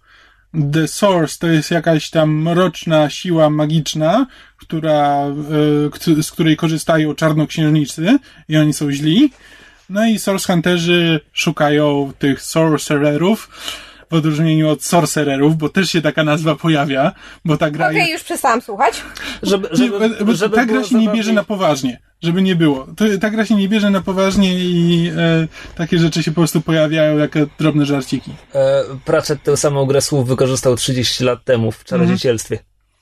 Tak, więc source pisane jak źródło e, OU i masz sorcerer i masz też zwykłych sorcererów, tak jak to zazwyczaj jest pisane, czyli SORC, bla bla bla. E, I zaczynasz właśnie jako dwójka, dwójka tych e, Source Hunterów, którzy dosta, zosta, dostają zlecenie, żeby zbadać, żeby przeprowadzić śledztwo, bo został zabity Radny w Tak. jakimś mieście. radny w jakimś mieście i trzeba przeprowadzić śledztwo. Tak, jak tylko, zanim jeszcze trafisz do miasta, już się dowiadujesz, że miasto oblegają orki, inni umarli z drugiej strony miasta e, i w ogóle tam jest tysiąc problemów do rozwiązania. Ja nie znalazłem jeszcze gospody, w której popełniono morderstwo, żeby się tam rozejrzeć, ale już trafiłem na coś, co nie wiem, czy jest misją poboczną, czy jest główną osią fabuły, ale już mi przepowiedziano, że dwójka moich bohaterów jest niezbędna do uratowania całej rzeczywistości przed końcem całej No tak. rzeczywistości, co nie ma jak dotąd żadnego związku z tym, co powinno być głównym wątkiem fabuły i to jest po prostu ja się w tym momencie zastanawiam, czy gra. Ja nie wiem. Ja nie wiem, ile w to będę mógł grać. W sensie, nie jestem pewien, czy jestem w stanie złożyć w ofierze tyle czasu, ile najwyraźniej ta gra będzie wymagać, żeby ją jeśli, przejść. Jeśli czas jest twoim problemem, to rzeczywiście to będzie problem, bo wygląda na to, że to jest, e, to chwili wymaga. Znaczy, ja, ja grałem parę wieczorów, ale to było parę wieczorów po, po pół godziny, godzinę i dotarłem właśnie do gospody, w której popełniono morderstwo.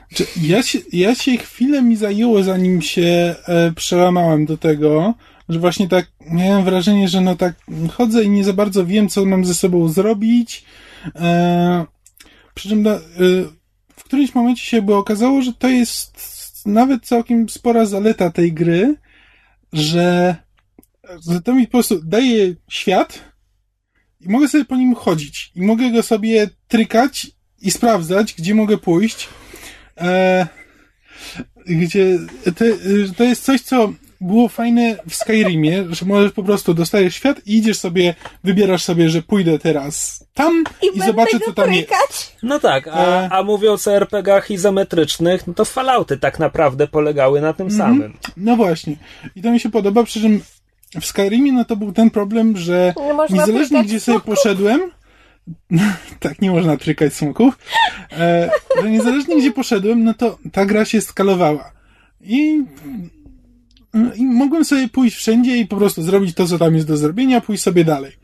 Tutaj jest tak, że po prostu ja w którymś momencie idę sobie i natykam się na przeszkodę, na przeciwników, których nie jestem w stanie pokonać. Więc muszę, z, muszę się zwinąć, to w takim razie pójdę sobie w drugą stronę i zobaczę, co tam jest. I tam sobie idę w drugą stronę, tam sobie jakieś e, poboczne questy wykonuję, parę razy powalczę i nagle się okazuje, że już mi po, podrósł poziom, więc wracam sobie w tamto miejsce, z którego e, wróciłem z podklonym ogonem i tam sobie wykonuję. I to jest właśnie, i to jest właśnie taka fajna gra, że ja sobie to włączam na godzinę, półtorej, jak mam czas i właśnie sobie, sobie po prostu patrzę, gdzie teraz by pójść, którego questa by tutaj wykonać. I właśnie e, i to, I to jest, e, no to jest główna zaleta i wada tej gry. No to jest to, że właśnie e, ta gra nie ma konkretnego kierunku, że nie można sobie po prostu przysiąść i teraz okej, zrobię główną fabułę i przejdę, po prostu chcę zobaczyć jak to się rozwinie. No to w to po prostu trzeba podejść e, właśnie z takim nastawieniem, że sobie będę chodził i tłukł e, zombiaki, a potem zrobię coś innego. Jeśli ktoś ma bardzo nostalgiczne wspomnienia z wieczorów spełzonych nad Baldur's Gate'em, to to jest chyba... Tak, tak, na 100%. To jest na pewno Tak. dla, tych, dla tych osób. No więc ja nie mam takich wspomnień. Ja też nie. E, Bo ja e, w Baldury praktycznie nigdy nie grałem, a kiedy próbowałem do nich wrócić tam po paru latach, to się od nich odbijałem. Ja próbowałem wrócić w zeszłym roku, zapomnij. Tak, ja próbowałem właśnie jak wyszła ta e, Enhanced Edition, e, to właśnie próbowałem do tego wrócić, ale nie, e, nie byłem w stanie. A tutaj właśnie no jakby to śledztwo się rozwija w fajny sposób i rzeczywiście tam można sobie na różne sposoby trochę te e, dojść do różnych, różnych rzeczy, a przynajmniej w, w różnej kolejności. Po, powiem ci, czym gra mnie na razie kupiła. Dlatego, że w ogóle Hmm. zacząłem w nią grać i ten...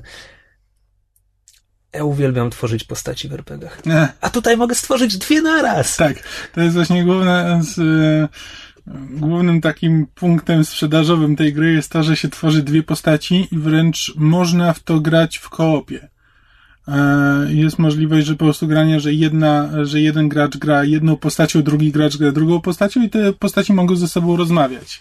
Tak, A jeśli nie masz ko- koło, to po prostu rozmawiasz sam ze sobą. Tak, właśnie w kopie to miałoby więcej sensu, no bo okej, prowadzę dwie postaci i to jest czasami śmieszne, że ja im każę się kłócić. Mm. E, Znaczy inaczej, to, to w ogóle by mi się bardzo podobało, gdzie ja mogę jedną postać prowadzić jako optymistyczną, tam dobrze nastawioną do ludzi, a drugą jako, nie wiem, cyniczną, nastawioną tylko na zyski i tak. I, I niech one się kłócą, to jest wszystko fajne. Tylko, że kiedy dochodzi do pod, podjęcia decyzji w dialogu i na, para naszych bohaterów nie może dojść do porozumienia w dialogu, mamy grę w papier, kamień, nożyce z komputerem. I to jest głupie i to mi się strasznie nie podoba. Ta gra jest I to mi się nie podoba ale- jeszcze bardziej, bo już raz na to trafiłem, kiedy papier, kamień, nożyce pojawia się, żeby przekonać NPC do czegoś. Tak. Ale tam jest opcja skip po prostu. No ale E, z kim ci losuje wynik wtedy? Tak. No ale to jest tak, jakbyś w w RPG miał po prostu e, procentowy, procentową szansę na, e, na powodzenie. Ja to po prostu tak traktuję, że już po prostu nie bawię się w tym papierkami nożyce, bo to jest bezsensowne, bo to właśnie sprowadza się do rzucenia kostką, tylko po prostu skipuję i patrzę, co się stanie. No. Natomiast coś, co w tutorialu wydaje się bardzo obiecujące, a mówię w tutorialu, bo nie wyszedłem jeszcze z tego cholernego miasta i nie pamiętam, kiedy ostatnio miałem jakąś walkę z kimkolwiek, e, ale tam jest bardzo skomplikowany model fizyczny, który odwzorowuje działanie żywiołów, efektów pogodowych i, i wszystkich czarów, przez co można robić jakieś kombinacje w rodzaju e, nie wiem, sk- skroplmy tę chmurę gazu, niech spadnie deszcz, to wtedy będzie wszystko zalane wodą i wtedy jak robimy w to elektrycznością, to ona się rozrzuci po wszystkich przeciwnikach. Tak. Albo można na kogoś rzucić klątwę e, krwotoku, bo krew, e, jak powszechnie wiadomo, też znakomicie przewodzi elektryczność. Ta Mhm. gra, świat tej gry, to z jednej strony to jest taki typowy zlew fantazji, chociaż na razie nie widziałem żadnych krasnoludów ani elfów, ale tak poza tym jest jakaś magiczna kraina, Mhm. gdzie jest magia i jakieś zagrożenie. I to, to wszystko jest podane tak kompletnie. Mam wrażenie, że dla samych twórców nawet jakieś szczególne cechy tej krainy kompletnie nie mają znaczenia Nie mają. co wie, tylko że to wszystko jest podane z takim przymrużeniem oka, że ja czasami mam wrażenie, jakbym się na ślepo poruszał, bo tam po prostu. Okej, pytanie. Czy wziąłeś którejś z postaci ten perk, e, żeby mogła rozmawiać ze zwierzętami? Tak. E, Ja również, ponieważ już wszystkie recenzje i podcasty, których słuchałem, mi powiedziały, że to jest znakomite i nie można bez tego grać. E, I to faktycznie jest bardzo śmieszne, tylko że potem już w tym momencie mam, nie wiem, byka filozofa, koguta rewolucjonistę i tak dalej, i tak dalej. I ta gra ta, tak kompletnie nie traktuje się poważnie, Mhm. co jest śmieszne przy pierwszym kontakcie, tylko teraz nie wiem, czy zdołam się do tego przyzwyczaić, tak jak przyzwyczaiłem się do świata dysku i tam odkryję coś więcej, czy to będzie cały czas takie skakanie na powierzchni Znaczy, dowcipu. jak, na razie, jak na razie mi to, o tyle nie przeszkadza, że przynajmniej są w tym konsekwentni, że to nie jest tak, że gra próbuje być poważna, a przy okazji pozwala sobie na jakieś takie głupie dowcipy, tylko po prostu no, taki już jest klimat i jakby cała historia jest tak lekko, lekko zakręcona jakby trzyma, i przynajmniej się tego trzymają, więc jakby niezależnie od tego, czy ten humor jest trafiony, czy nie, no to przynajmniej tak sobie po prostu to wymyślili i tego się trzymają i jak na razie przynajmniej mm, to jest po prostu taki, taki mają pomysł na ten świat, taki mają pomysł na tę grę. No i po prostu, no, może się to podobać czy nie, ale, ale można to zaakceptować. Dopiero teraz mi to skojarzenie przyszło na myśl, ale to jest trochę, trochę tak jak ta kraina z Fable. Mhm. Tylko, że oczywiście w Fable nigdy nie ma dialogów, bo tam wszyscy posługują się Simlishem. Pierdnięciami. E, ale I, ile właściwie już w to grałeś? jak myślę, powyżej 6 godzin, może poniżej 10. No to Tak, od 5 do 10 Dobra, pewnie. dwa albo trzy razy dłużej ode mnie. I tam te wątki fabularne się jakoś splatają? Na razie jeszcze nie wiem, bo na razie Ojej. jeszcze jestem, na, na razie nie rozwiązałem śledztwa jeszcze nawet, więc, Ojej. e, no nie, bo śledztwo jest jakby ten, tam się, tam się toczy, bo żeby, żeby tam je popchnąć dalej, to się muszę gdzieś dostać kawałek z, Ach, oczywiście. za Ktoś, zombiaki. ktoś ci pomoże, o ile przyniesiesz mu łyżkę, z którą zombie Nie. przed chwilą, nie? Nie, wiesz co, e, a, e, tak teraz myślę, nie przypominam sobie, żeby, Znaczy, nie, to, znaczy, tam ci odsyłają od jednej osoby do drugiej, ale na zasadzie, że no, właśnie w tym śledztwie, że no tak, że na przykład, że widziałem, e, e, widziałem jego tutaj w tym miejscu, ale więcej na ten temat będzie wiedziała osoba X i musisz porozmawiać z osobą X, a osoba X ci mówi, że tam e, owszem, ale zauważyła tam jeszcze jakąś inną postać gdzieś tam, która pobiegła w tamtą stronę, bla bla bla. No dobra, no jest jak dla mnie werdykt po powiedzmy trzech godzinach gry mniej więcej jest taki, że to jest bardzo oldschoolowy, bardzo tradycyjny RPG.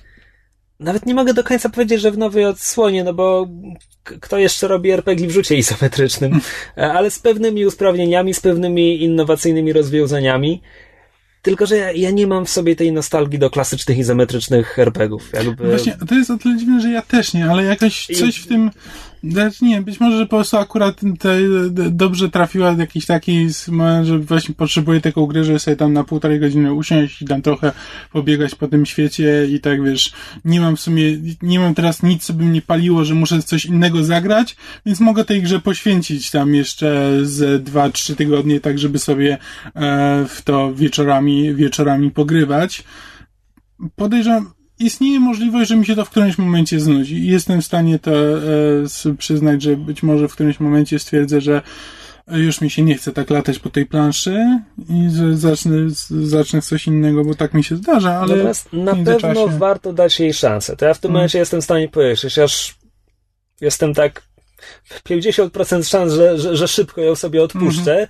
to cieszę się, że dałem jej szansę i że przynajmniej zobaczyłem na czym polega. Hmm.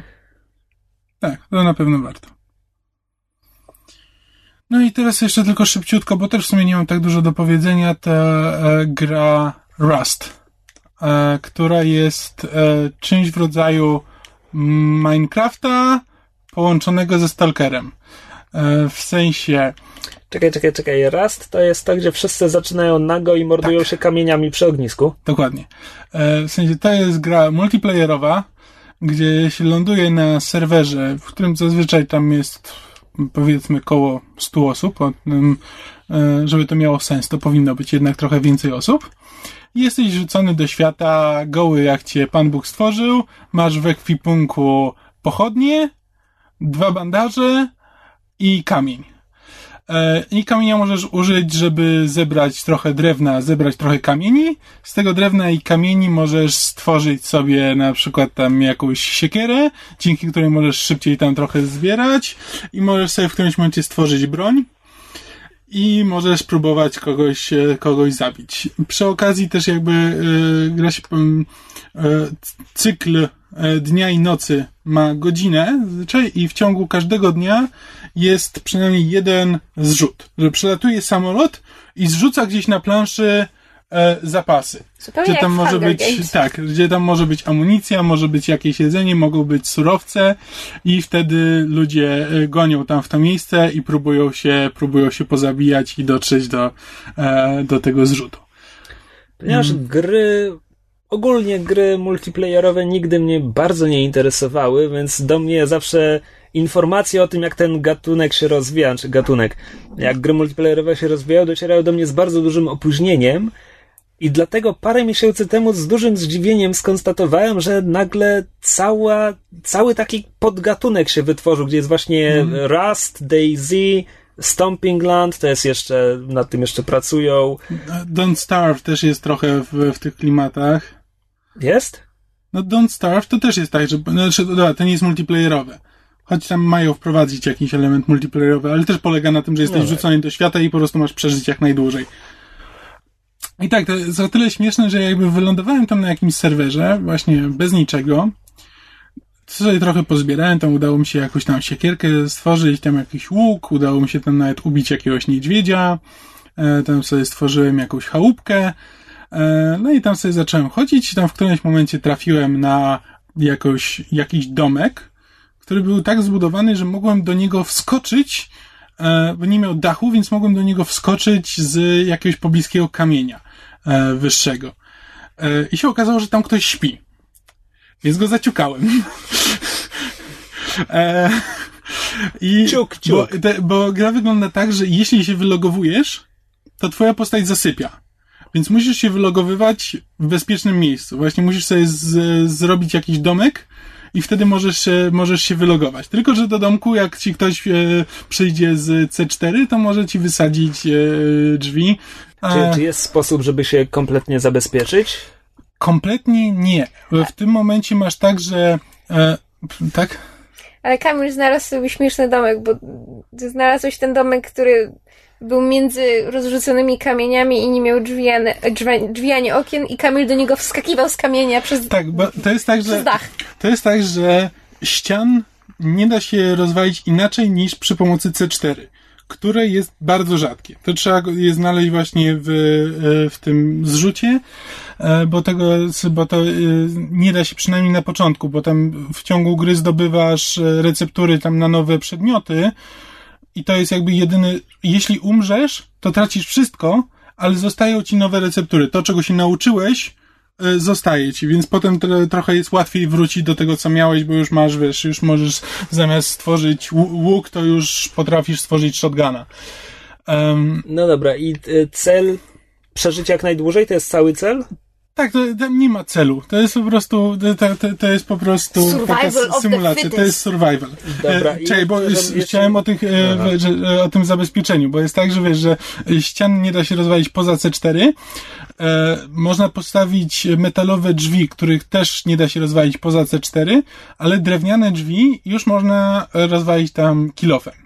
E, albo tam jakąś siekierką. Więc właśnie tak, tak jak już tam wspominała, że ja sobie znalazłem taki mm, właśnie ten domek, który przejąłem, e, mm, że nie miał drzwi, po prostu były same ściany, a ja do niego wskakiwałem z kamienia. Bo stwierdziłem, że to jest mm, mniejsza szansa, że ktoś znajdzie. Ja zupełnym przypadkiem znalazłem to, e, znalazłem to miejsce i się dowiedziałem, że można przeskoczyć. To jest mniejsza szansa, że ktoś akurat znajdzie i wskoczy do mnie, niż że po prostu rozwali kilofem drzwi. Ale jak z niego wychodzisz? E, tam sobie postawiłem, postawiłem takie schodki przez ścianę i wyskakiwałem przez ścianę e, od wewnątrz. A czy ktoś nie może postawić schodków z drugiej strony? E, mógłby, no tylko, że musiałby bardzo chcieć. No, A, ale okay. tak, dałoby się. Tylko po prostu stwierdziłem, że to jest taki ten. Um, i przez dłuższy czas udało mi się tam, udało mi się w tym domku, w tym domku przeżyć. Dobra, jeszcze jedno pytanie. Czy to jest, to jest Early Access, czy to jest już wypuszczone, gotowe? To, nie, to jest Early Access i to się cały czas, znaczy to jest po prostu tam beta, ciągła beta, tak jak Minecraft, gdzie po prostu dodają co tydzień tam, dodają, coś zmieniają, coś dodają i e, rozszerzają. Czekaj, czy to... Co? Bo tych, tych gier jest bardzo dużo, więc one mi się teraz ze sobą mylą. Czy to raz jest tym, gdzie między jedną zmianą a drugą, że wraz na początku były zombie, a teraz tam nie ma zombie? Tak. Aha. Na początku były zombie, teraz nie ma zombie, teraz są tylko e, te zwierzaki różne, tam wilki i niedźwiedzie. No dobra, I czy, i czy to jest coś, w co masz zamiar się bawić długie tygodnie? Czy? Znaczy, już mi trochę przeszło, bo jakby ten pierwszy rzeczywiście high, gdzie właśnie to zależy, co się wydarzy, bo to jest po prostu tak, że czasami no to po prostu no tam sobie chodzisz, nie masz, wiesz, nikogo tam nie spotykasz, no, bo ktoś cię zabije, musisz zaczynać od początku i nie możesz do niczego dojść, ale właśnie ponieważ miałem taki start, gdzie, wiesz, udało mi się dużo zdobyć, po czym ktoś mnie zabił, straciłem tam prawie wszystko, E, ale tam część jeszcze miałem w tym swojej, w tej swojej chałupce, więc udało mi się odnaleźć tą chałupkę z powrotem, wrócić do niej, tam jeszcze sobie w szafce miałem parę rzeczy, więc tam udało mi się trochę odbić i tam znalazłem, nie wiem czy tego samego faceta, czy jakiegoś innego, ale znalazłem jakiś domek i też kilofem rozwaliłem drzwi i zabiłem kogoś we śnie i zabrałem mu, zabrałem mu cały jego, e, cały jego dorobek. Powiedział z uśmiechem na ustach. Tak, to jest absolutnie socjopatyczna gra. E, E, no ale tak, ale potem jakiś dwóch, e, jakiś dwóch kolesi e, na mnie napadło w szczerym polu i nie udało, nie udało mi się obronić. Cały ten, powiedzmy, podgatunek Rust, Daisy, ja lubię o nich czytać. Czytałem parę fajnych Game Diaries na, na Rock Paper Shotgun, na przykład był Game Diaries Daisy. W paru podcastach o grach komputerowych, których, których słucham, też ludzie o tym mówią i bardzo fajnie mi się o tym czyta, bardzo fajnie mi się tego słucha bo to generuje historię i w ogóle i czasami coś fajnego.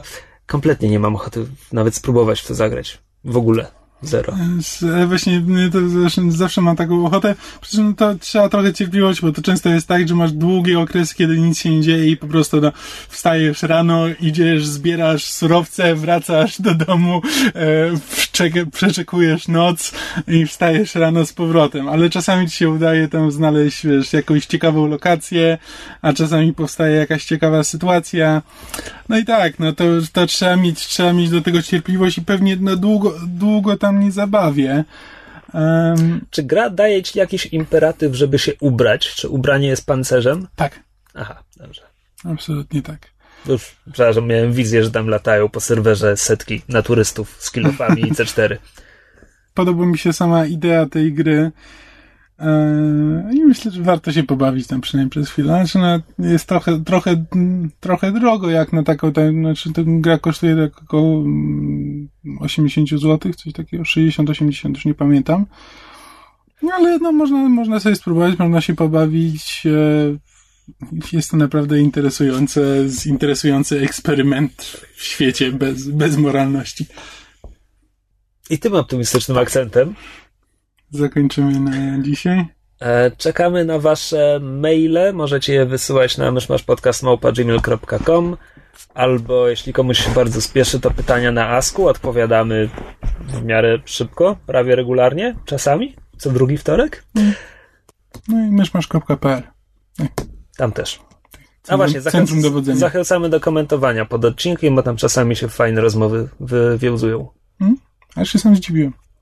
I poza tym jeszcze e, nawiązaliśmy współpracę z serwisem grm.pl, które jest internetowym radiem, które puszcza muzykę z gier komputerowych, co jest całkiem przyjemne, jeśli ktoś, teraz co prawda są wakacje, ale to jest bardzo dobra, e, dobra muzyka do nauki, albo przynajmniej do skupienia się, bo muzyka z gier jest zawsze komponowana tak, żeby właśnie nie, nie wytrącała cię z rytmu, tylko żeby jej nie zauważać, więc e, są nawet badania, że jest właśnie tak, tak, tak zaplanowana, że dobra do koncentracji.